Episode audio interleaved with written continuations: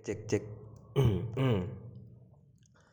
Untuk seseorang perempuan yang bernama Anggita Pujiastuti malam ini mungkin malam yang paling tunggu-tunggu bagi setiap manusia. Karena tepat pada tanggal 29 Januari 2022 telah bertambahnya umur seseorang perempuan. Pada hari ini sudah genap menginjakan umurnya tepat di usia 20 tahun.